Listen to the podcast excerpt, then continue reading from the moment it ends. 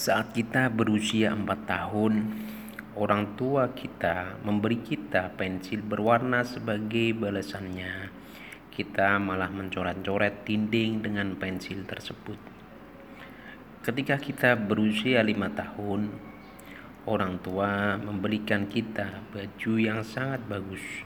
Sebagai balasan, kita malah mengotorinya dengan bermain-main di lumpur.